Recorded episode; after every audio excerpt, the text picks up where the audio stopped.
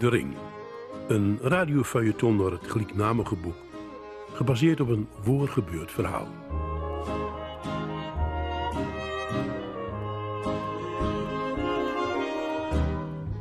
Je luistert naar een podcast van Drenthe Toen. Dit is De Ring, geschreven en voorgelezen door Jan Spolling. Hoofdstuk 11, waarin hoofdpersoon Johan Schulting geaccepteerd heeft... dat hij eigenlijk voor niets naar voormalig Joegoslavië afreisde. Hij is er klaar mee. Maar zijn vriend Peter is dat niet. En dat zorgt voor een behoorlijke verrassing. Direct de eerste morgen dat ik in huis was, kwam Peter al langs. Hij was razend nieuwsgierig hoe het mee vergaan was. En in een paar woorden stukte ik hem moed hoe onmogelijk het was om door, juist door in Bosnië en een deel van Kroatië, nog wat te vinden van 60 jaar. Ik heb ook nog eens wat navraag gedaan via allerlei instanties en op internet gezocht, zei hij. Maar ik kan je ook niet verder helpen. Het is duidelijk, zei ik. Ik moet die hele geschiedenis gewoon vergeten. Ik weet wat ik weet en daar moet ik het de rest van mijn leven maar mee doen. Ik wil hem duidelijk maken dat ik dat gevruut en gezuik in het verleden niet meer wil.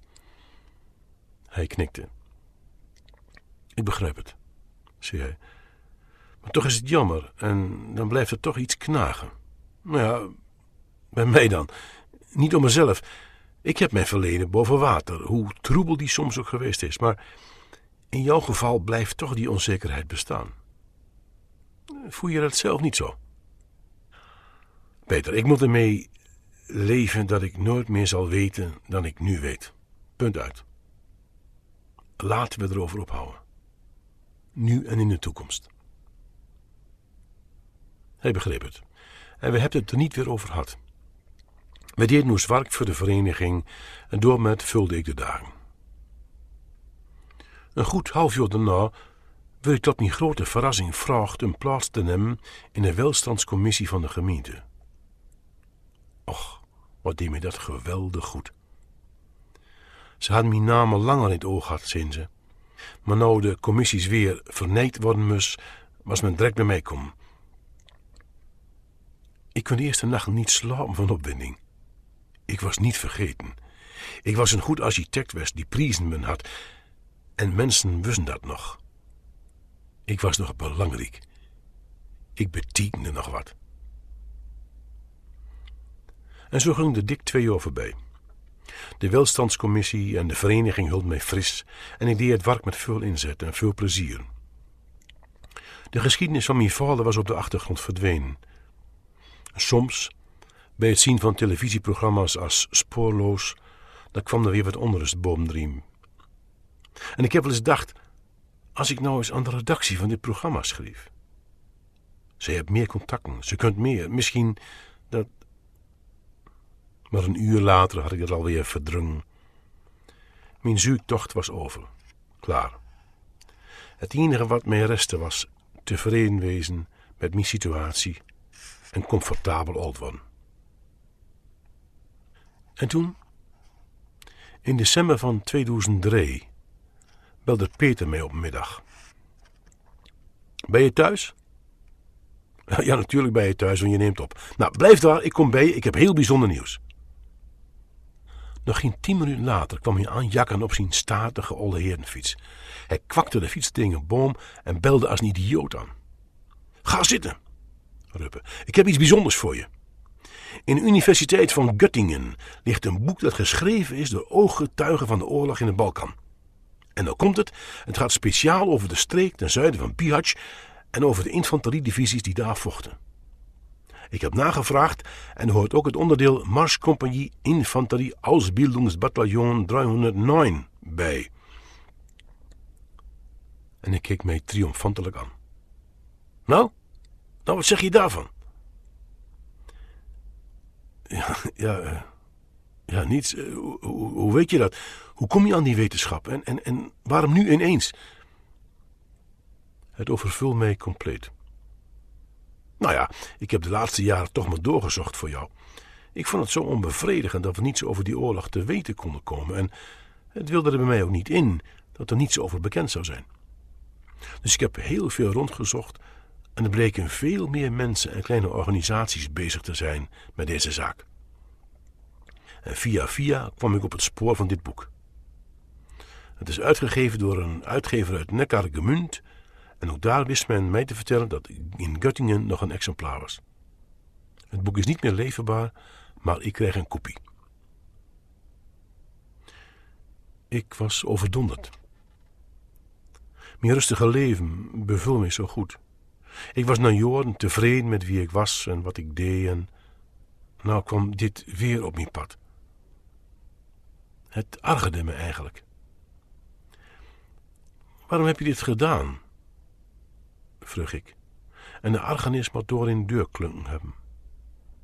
Nou, dat heb ik je verteld. Je moet nooit tevreden zijn met je situatie als je vermoedt dat er nog iets op je ligt te wachten. Dat, dat er nog mogelijkheden zijn. Voor jou ligt misschien wel de oplossing te wachten voor het raadsel in je leven. De laatste maanden van je vader. En wie weet zijn graf.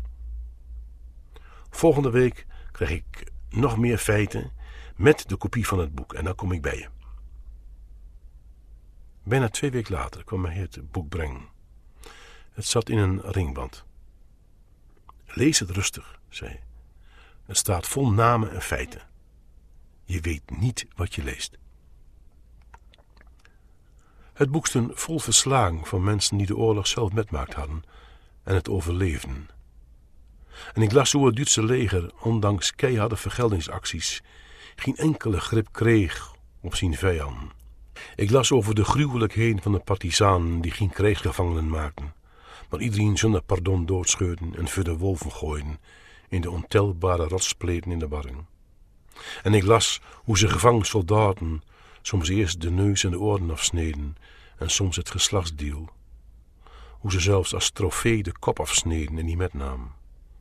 En ik las hoe ze dagen zonder eten en drinken kunnen en over een keiharde mentaliteit naar eigen gesneuvelden, die niet begraven worden, omdat de tiet dat niet toestaan. Het verhaal van een boer trof mij. Hij vocht met zijn vier zeuns in het partizanenleger en alle vier sneuvelden ze. Bij de dood van zijn laatste zoon legde hij een paar dode takken op het lichaam en zei: Mijn zoon, ik hoop dat dit de lichtste last is die je ooit dragen zult. Vaarwel. En wieder trok het leger. En ik las hoe de Duitse legeronderdelen bij elke grote aanval soms uit mekaar spatten als vuurwerk. En hoe ze zich moeizaam hergroepeerden. En hoe de soldaten zich dan maar redden moesten. En ik las ook dat elke soldaat minstens één handgranaat bewaarde. Voor het geval dat hij in hand vallen zou van de partisanen. In dat geval trokken ze de pin eruit en gooien ze zich met het hele lief erop. Dat liever dan de totale menselijke ontering. Maar het belangrijkste waren de vele naam van plaatsen en landstreken, compleet met datums, samen met de feiten die Peter nog meer verzameld had.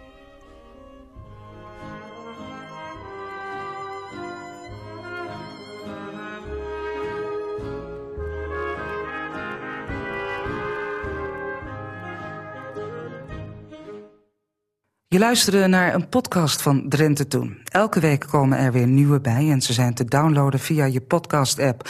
Of kijk even op onze website rtvdrenthe.nl. Daar vind je ook andere podcasts.